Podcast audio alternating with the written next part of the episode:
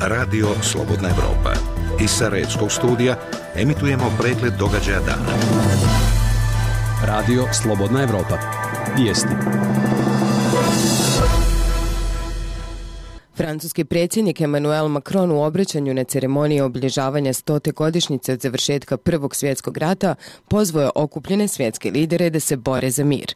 Podsjetio je da istorija danas prijeti da se ponovi te da je odgovornost čelnika okupljenih u Parizu da se beru svoje nade, te odbace opčinjenost nasiljem i dominacijom. Na poziv francuskog predsjednika Emmanuela Macrona lideri više od 70 država svijeta okupili su se na centralnoj komemoraciji u Parizu.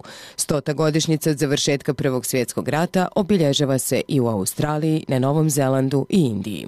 Britanska kraljica Elizabeta II. predvodila je danas obilježavanje stote godišnjice od završetka Prvog svjetskog rata u centru Londona. Kraljica je posmatrala sa balkona dok je njen sin, princ Charles, položio vijenec u njeno ime na podnožje spomenika poginulim borcima. Ceremoniji u centru Londona prisustvovala i premijerka Tereza May, koja je tom prilikom rekla da su oni koji su se borili u ratu dali ogromne žrtve. Predsjedavajući predsjedništvo Bosne i Hercegovine Bakir Izetbegović prisustvujući u Parizu ceremoniji obilježavanja 100 godina od završetka Prvog svjetskog rata izrazio je nadu da će poruke mira i zajedništva poslati iz Pariza biti ideja i vodilja svima, ali i da Bosna i Hercegovina treba ujedinjenu i Evropu mira u kojoj zaslužuje svoje mjesto.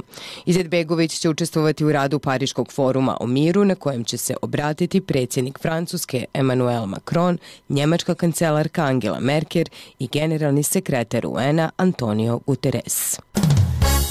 Predsjednici Sjedinjenih američkih država i Republike Turske Donald Trump i Recep Tayyip Erdogan razgovarali su u Parizu u ubistvu saudijskog novinara Džamala Kašogija, izjavio je dužnostnik Bijele kuće. Erdogan je potvrdio da su audio snimci ubistva predati američkim, francuskim, njemačkim i britanskim vlastima, tvrdeći da je operacija naručena od najviših dužnostnika vlade Saudijske Arabije. Trump je izrazio očekivanje da će sljedeće sedmice biti poznato više detalja o ubistvu novinara, dodajući da se radi radi zajedno s Kongresom, Turskom i Saudijskom Arabijom kako bi se ustanovilo ko je odgovoran, prenosi Reuters. Britanske oružane snage pripremaju planove o načinima podruške državi ukoliko Velika Britanija napusti Evropsku uniju bez porazuma, rekao je danas britanski ministar odbrane Tobaja Selwood, te naglasio da je armija spremna da pruži podršku državi i na praktičnoj osnovi.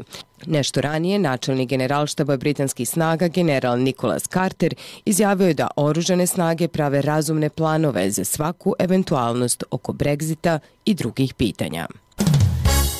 Iz memorialnog centra Srebrenica Potočari danas je oko 30 učesnika drugi put krenulo na Marš mira Srebrenica Vukovar. Put duži od 300 km preći se za 7 dana, a cilj je odavanje počasti žrtvama Vukovara i žrtvama genocida i Srebrenice sa porukom da se zločini više nikad, nigdje i nikome ne ponove. Iz Srebrenice se javlja Sadik Salimović. Zulfo Salihović, glavni organizator, kaže da Srebreničani imaju puno razloga da prisustvuju o davanju počasti žrtvama Vukovara. I, i namera za organizovanje ovoga marša mira jeste moralna obaveza nas preživjelih marš smrti u 95. godine i preživjelih žrtava genocida iz razloga što e, svake godine na oblježavanju godišnjica genocida nad Bošnjacima i Srebrenici učestvuju građani iz Vukovara i ostalih gradova Hrvatske. Za radio Slobodna Evropa iz Srebrenice, Sadik Salimović. Sutra se u Bosni i Hercegovini očekuje sunčano vrijeme, vjetar slab promjenjivog smjera. Jutarnje temperature od 3 do 10, na jugu do 14 stepeni. Dnevne temperature od 16 do 22 stepena. Vijesti pripremila Draga Nerjevec.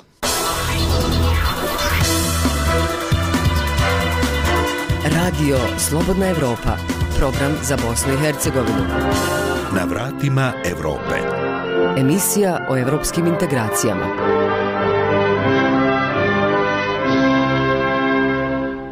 Srdačan pozdrav, poštovani slušalci. U emisiji koja je pred nama između ostalog možete čuti.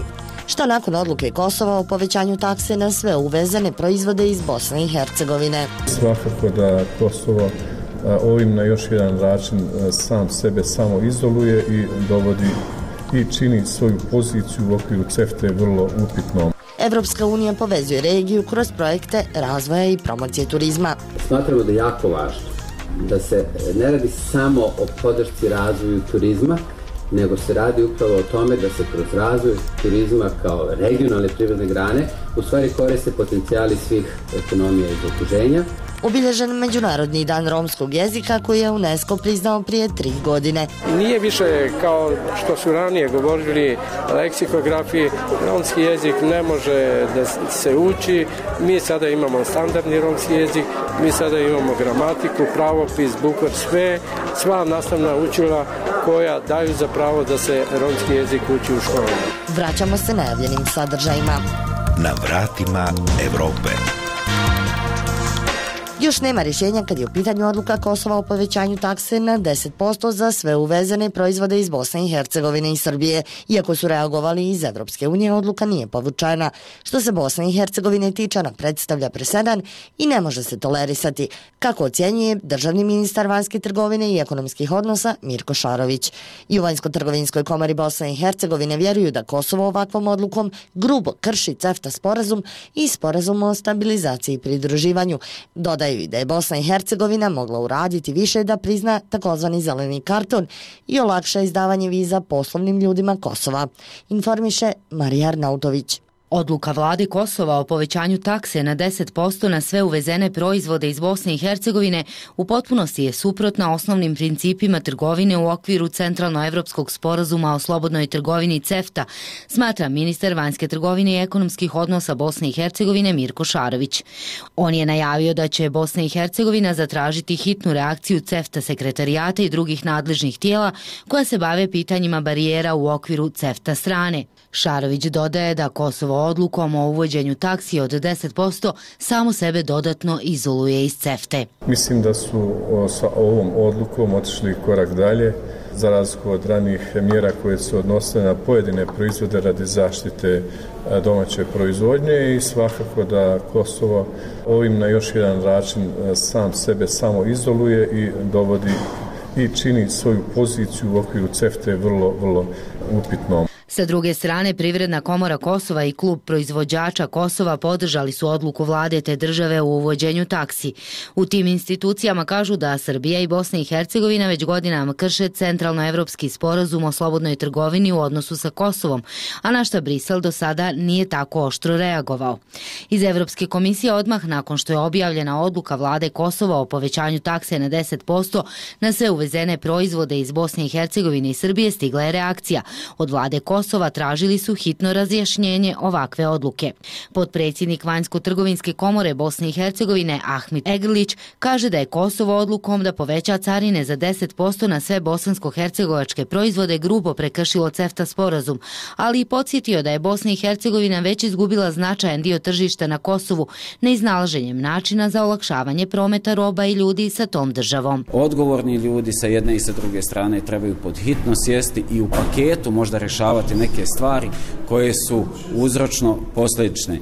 Mislim da je nedopustivo dakle da da građani Kosova ne mogu putovati u Bosnu i Hercegovinu bez zelenog kartona odnosno sa zelenim kartonom sa kakvi mogu putovati u Srbiju, sa viznim režimom kakvi imaju. Mislim da ovo nije dobar potez Kosova, mislim da su trebali imati još strpljenja, ali mislim da i naša strana trebala preduprijediti ovakve stvari. Upitan da prokomentariše stav iz Privredne komore Bosne i Hercegovine da je i bosansko-hercegovačka strana mogla preduprijediti ovakve odluke vlade Kosova uvođenjem vizne liberalizacije, ministar vanjske trgovine i ekonomskih odnosa Mirko Šarović kaže Slobodan protok roba i, i ljudi je idealan ambijent za svaku razmenu roga, roba, odnosno za trgovinu sa, sa bilo kojim tržištem. Pa sasvim je logično da ukoliko imate slobodan protok ljudi, da će to olakšati i trgovinu sa određenom zajednicom, kao što je u ovom slučaju Kosovo. Ja za, e, zastupam stav oni koji misle da je potrebno gdje god to moguće uvesti e, što e, bolju liberalizaciju u oblasti viza, ali pitanje priznanja je pitanje koje nije u nadležnosti ni savjeta ministara, niti bilo koga, nego E, predsjedništva Bosne i Hercegovine. Na odluku vlasti u Prištini saopštenjem je reagovao i ministar vanjskih poslova Bosne i Hercegovine Igor Crnadak. Napisao je kako će tražiti da se o njoj raspravlja na sastanku ministara vanjskih poslova šestorke Zapadnog Balkana, koji će biti održan krajem novembra u Crnoj Gori. On smatra da posebno zabrinjava činjenica da se odluka Prištine ne odnosi na cijeli region, već na dvije zemlje koje nisu priznale nezavisnost Kosova, što kako je napisao dodaje i političku dimenziju ovoj odluci. Iz Sarajeva za Radio Slobodna Evropa, Marija Arnautović. Evropski standardi za evropsko tržište. U okviru projekta razvoja i promocije turizma Vijeća za regionalnu saradnju kojeg finansira Evropska unija, dodijeljeno je prvih 12 od 30 grantova ukupne vrijednosti od 548.000 eura. Bespovratna sredstva dodijeljene su projektima zajedničke ponude kulturološkog i avanturističkog turizma Zapadnog Balkana. Informiše Mirna Sadiković. Sedam od 12 grantova koji su dodijeljeni u prvom ciklusu biće iskorišteni za razvoj i promociju novih regionalnih puteva kulture i proizvoda kulturološkog turizma, uključujući arheološka nalazišta rimskog perioda, spomenike posvećene drugom svjetskom ratu, utvrđenja i kulturno nasljeđe glavnih gradova. Ostalih pet grantova će doprinijeti daljem razvoju i promociji postojećih staza avanturističkog turizma. Jedan od projekata kulturološkog turizma koji je dobio bespovratna sredstva je projekat Ekspedicio, a Tatjana Rajić objašnjava o čemu se radi. Mi ćemo tokom narednih sedam meseci raditi na projektu koji se zove spomenici posle drugog svjetskog rata u jugoistočnoj Evropi. Ideja ovog projekta je da se kreira neka vrsta studija, odnosno procene spomenika posle drugog svjetskog rata u jugoistočnoj Evropi u šest ekonomija, kako bi se nakon toga stvorila e, baza znanja za kreiranje novog regionalnog turističkog e, proizvodna, odnosno kulturne maršute po ovim spomenicima. Gramen Taraku iz nevladine organizacije Fond za razvoj razvoj zajednica Kosova vodit će projekat razvoja staza avanturističkog turizma. Radit ćemo na definisanju i uređenju staza u sklopu Via Dinarike na Kosovu, što će nas bolje povezati sa već postojećim stazama u Crnoj Gori i u Albaniji, a to će naravno doprinijeti i boljoj saradnji ovih ekonomija. Mislimo da će najveću korist imati lokalne zajednice koje se bave planinskim i seoskim turizmom. Osim uređenja staza, radit ćemo i na promociji turizma i prirodnih ljepota, ali i na povezivanju i saradnji naših ekonomija. Odebrani projekti doprineće proširenju turističke ponude u regionu jer obuhvataju svih šest ekonomija Zapadnog Balkana kako u smislu područja u kojem će se realizovati, tako i u smislu onih koji će ih provoditi, kaže generalni sekretar Vijeća za regionalnu saradnju Goran Svilanović. Smatramo da je jako važno da se ne radi samo o podršci razvoju turizma, nego se radi upravo o tome da se kroz razvoj turizma kao regionalne privredne grane u stvari koriste potencijali svih ekonomija iz okruženja. Insistiramo da ovi turistički projekti, koliko god imaju osnovicu u kulturne saradnji, u avanturističkom turizmu u stvari doprinose povećanju zaposlenosti i da je to suština onoga što radimo, a da je važno za proces pridruživanja za sve nas. Direktorica za Zapadni Balkan u Generalnoj direkciji Evropske komisije za politiku susjedstva i pregovore o proširenju, Genoviva Ruiz Calavera, kazala je da Zapadni Balkan ima veliki potencijal za razvoj turizma. Turizam smatramo važnim pokretačem ekonomskog razvoja Evropske unije. I u tom pogledu je prije dva dana održan Evropski dan turizma, ali pokretačem razvoja regiona udružujući se sa namjerom da se razviju i promoviraju zajednički turistički proizvodi, Zapadni Balkan može unaprijediti i razviti raznovrsniju ponudu za ljude iz regiona, ali i za evropsko i šire tržište. Projekat razvoja i promocije turizma Vijeća za regionalnu saradnju vrijedan 5 miliona eura radi na objedinjavanju i razvoju raznovrsnije ponude kulturološkog i avanturističkog turizma u šest ekonomija Zapadnog Balkana, razvoju zajedničkih regionalnih turističkih ruta i proizvoda, unapređenju infrastrukture infrastrukture i kvaliteta usluga duže odabranih ruta, kao i na promociji zajedničke regionalne ponude u svijetu. Ukupna vrijednost programa za dodjelu bespovratnih finansijskih sredstava koji se realizuje u sklopu projekta i obuhvata 30 i više grantova iznosi 1,62 miliona eura. Za Radio Slobodna Evropa iz Sarajeva, Mirna Sadiković a da bi projekti bili uspješni neophodno ih je dobro promovirati. U Sarajevu je održan regionalni turistički forum gdje se razgovaralo o promociji i marketingu. Ivan Bilidi, regionalni je marketinški stručnjak, vlasnik agencije za digitalni marketing Likes and Cookies u Beogradu koja radi marketing strategije za mnoge kompanije i koji je svoje iskustva podijelio s učesnicima foruma a kroz temu content marketinga. O čemu se radi i kakvi su potencijali regije čućemo iz razgovora koji je vodio Ivan Katavić. Gospodine Bildi, u svijetu se sve više primjenjuje content marketing i vi ovdje zapravo u Sarajevu imate predavanje na tu temu na regionalnom turističkom forumu. Što je zapravo content marketing i o čemu ćete govoriti u vašoj prezentaciji?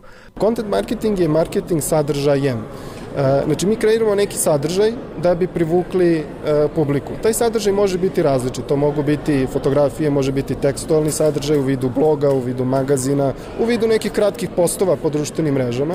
E, takođe može biti i video. Video je sada u ekspanziji. Video je ono što će na najbolji način ubediti e, publiku potencijalnu i potencijalne turiste da dođu na neke nove e, destinacije. Jer slika je, video je, ono, slika je hiljadu reči, a video je 30 slika u, u sekundi. Tako da e, video je nešto na čemu ću puno čemu ću puno pažnje posvetiti u svojoj prezentaciji nešto čime zaista sa klijentima primarno sada sada radimo.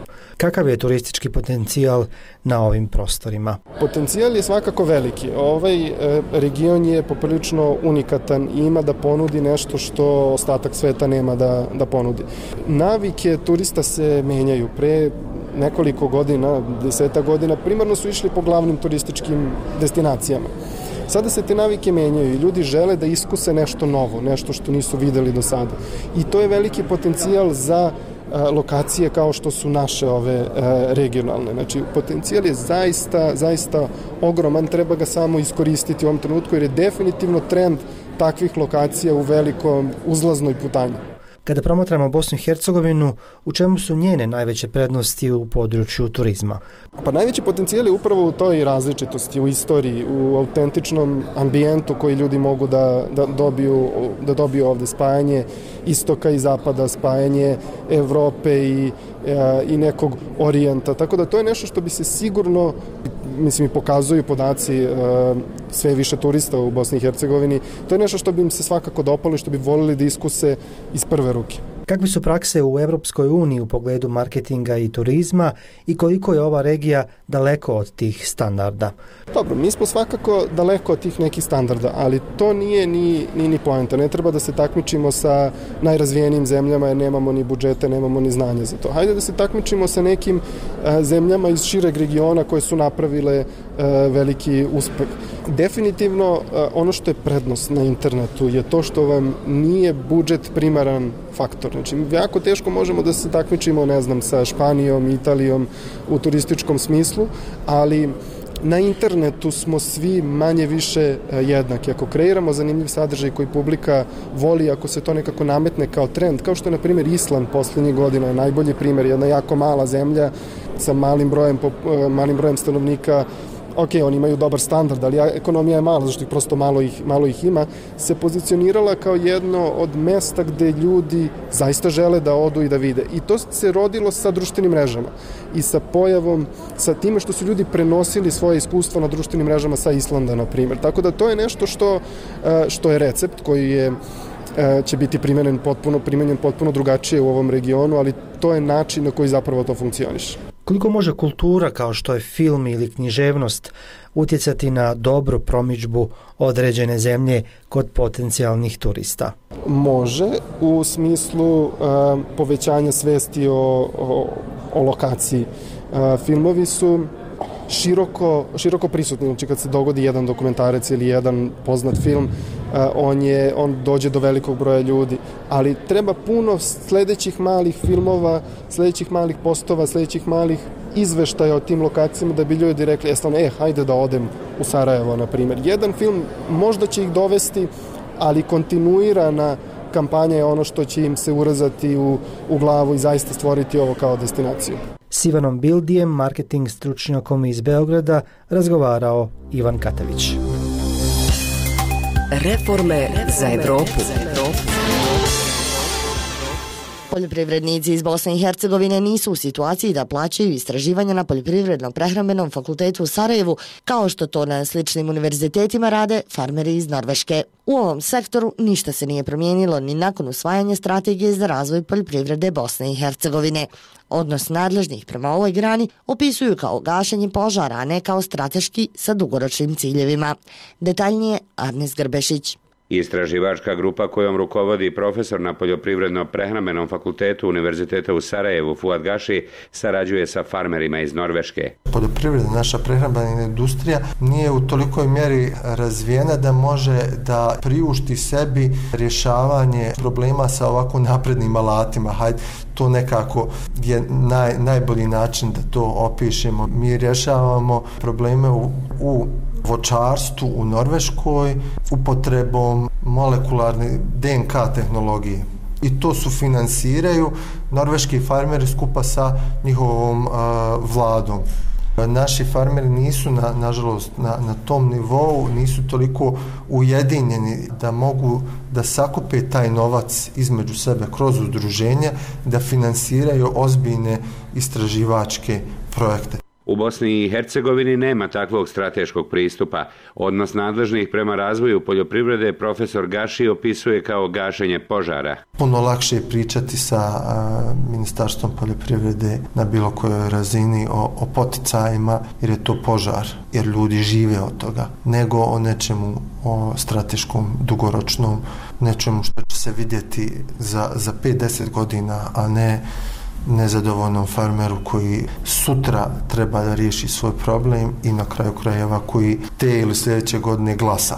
Direktor Tešanske razvojne agencije Ismar Alagić. Poljoprivredu treba osloboditi stega socijalne djelatnosti. Kod nas se poljoprivredom bave ljudi nakon iz hobija ili, ili, ili loše imovnog stanja koji nisu mogućnosti da, da razvojno investicionalnom smislu su prate te ciklus i na veoma osjećenim parcelama. I nema strateškog pristupa na kulture koje imaju najveći potencijal za rast i razvoj. Ne možemo svim se baviti i sve sijati i sve uzgajati i reći da je to poljoprivreda. Ne. Treba svjesno žrtvovati neke grane na uštar neki koji imaju najveći potencijal za rast i razvoj. Primjena naprednih tehnologija u sektoru poljoprivrede i posticanje mladih da se pri odabiru studija više interesuju za izučavanje biotehničkih nauka bila je tema koju je profesor iz Sarajeva predstavio na forumu u Tešnju koji je održan pod pokroviteljstvom Njemačke fondacije Konrad Adenauer. Predstavnik fondacije Elvis Konđić. Recimo mi dodjeljujemo stipendije za, za studiranje do diplomskih studija u Bosni i Hercegovini, za master studije, doktorske studije ali vjerujte da uh, mali broj ljudi koristi tek te mogućnosti. Konđić pojašnjava da ova fondacija podržava i razvoj, odnosno kreativnost proizvođača u Bosni i Hercegovini. Uh, sama ocjena nam nije uvijek mjerodavna za dodjelo stipendija.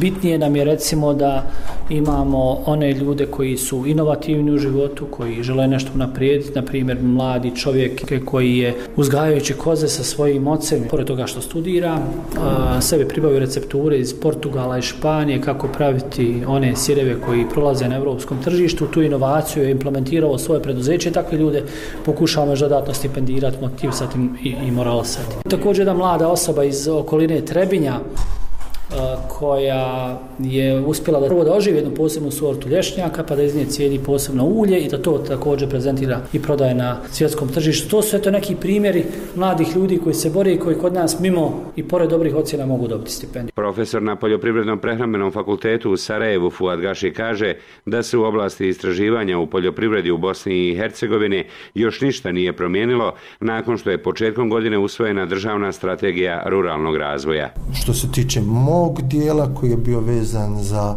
biljne genetske resurse, znači održivo korištenje tog starog sortimenta i, i korištenje znači naših genetičkih resursa u poljoprivredi. Od kako je usvojena sama strategija pa kasnije i operativni plan nije ništa urađeno od regulativa do uspostavljanja banke gena do implementacije strategije očuvanja tih resursa kroz kolekcionisanje, podsticanja, korištenja istih u ruralnom turizmu, u prehrambenoj industriji, kroz koju bi onda dobivale dodatu vrijednost. Nijedna od tih politika nije pokrenuta. Za radio Slobodna Evropa iz Tešnja, Arnes Grbešić. Slušate program radija Slobodna Evropa. Prošla sedmica je obilježen je Međunarodni dan romskog jezika koji je UNESCO priznao prije tri godine. Brojne konvencije Evropske unije pa i Ujedinjenih nacija nalažu poštivanje manjinskih jezika. S uglednim romskim književnicima i piscima razgovarala je Maja Nikolić. Alija Krasnići, romski književnik i autor romsko-srpskog riječnika, kaže nam da iako je romski jezik jedan od najstarijih jezika u svijetu, odnos prema njemu je veoma loš. Želimo da javnost upoznamo sa svima onima što mi stvaramo na, na romskom jeziku, na neki način da stvaramo mostove među ljudima, da bi se više upoznali, da bi više znali jedni od drugima, jer ovde na ovaj, Balkanu, u regionu, u nekadašnjoj Jugoslaviji, živeli smo svi nekako sad svako u svojoj državi malo se i kod drugih na neki način sporazumevamo što se tiče da možemo dati svoj doprinos zajednički na Balkanu, jer znate sami da Balkan na neki način prednjači u Europu što se tiče pisane reči na romskom jeziku. Krasnići ističe da su za loš status romskog jezika krivi sami Romi koji se odriču ne samo svog jezika nego i svoje nacionalne pripadnosti. Iako ih je četiri puta više, u Srbiji ih se samo 140 tisuća izjašnjava kao Romi. Tu su i mešoviti brakovi, tu su svi koji na neki način kriju svoje lice.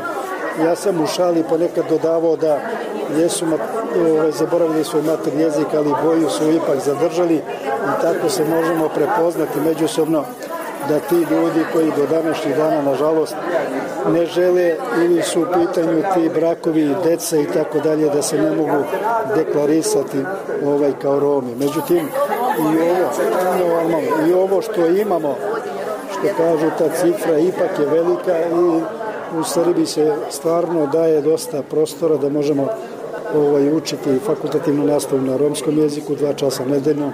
Zemlje bivše Jugoslavije, dodaje Krasnići, mogu biti primjer Europi. To je iskreno rečeno. Ona naša bivša juga jeste na neki način primjer kako u Evropi treba ovaj dati prostora Romima što se tiče pisane reči, identiteta, jezika i svega onoga što čini tu afirmaciju i emancipaciju Roma.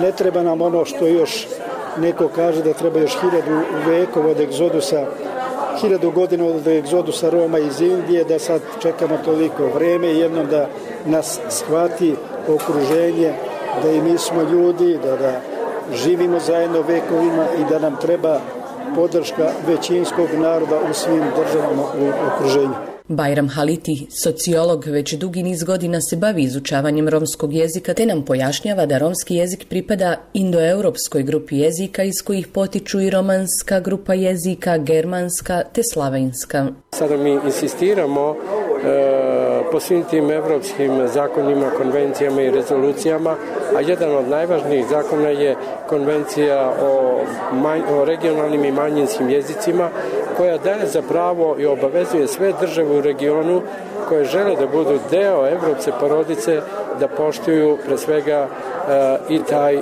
romski jezik koji pripada tom korpusu, tom zakonu. Dakle, konvencija je obavezujuća i države koje nisu priznale tu konvenciju, one bi morale po hitnom postupku jer time bi kršile poglavlje 23 koje je direktno vezan za razvoj i integraciju Roma po programu 2020. Haliti smatra da bi se romski jezik trebao prema ovoj konvenciji tretirati kao jednim od nacionalnih jezika. Dakle, romski jezik je sada u situaciji kada treba da se uči u školama, da se piše na romskom, da se govori na romskom u elektronskim i, pro, e, i ovim, e, kako se kaže, printovanim medijima. Mi imamo sada gramatiku, ja sam autor srpsko-romskog e, e, rečnika sa e, gramatikom i pravopisnim e, i pravopisom, savjetnikom i pravopisnim savjetnikom. Dakle, ne, nije više kao što su ranije govorili leksikografiji, romski jezik ne može da se uči, mi sada imamo standardni romski jezik, mi sada imamo gramatiku, pravopis, bukvar, sve, sva nastavna učila koja daju za pravo da se romski jezik uči u školama. Dok se u zemljama regije romski jezik izučava čak i na fakultetima u Bosni i Hercegovini, to nije slučaj. Ovdje se te govori o njegovoj standardizaciji, postaće samo dio izborne nastave. Bosna i Hercegovina je potpisnica brojnih europskih konvencija o zaštiti nacionalnih manjina. Stoga će romski jezik što prije i ipak morati biti uveden ne samo kao projekt u škole, nego obveza obrazovnog sustava. Emisiju Na vratima Evrope možete i pročitati na našoj web stranici slobodnaevropa.org. Bilo bi to sve u ovom izdanju emisije Na vratima Evrope. Iz studija u Sarajevu pozdravljaju vas Enes Harničić i Dženara Halimović.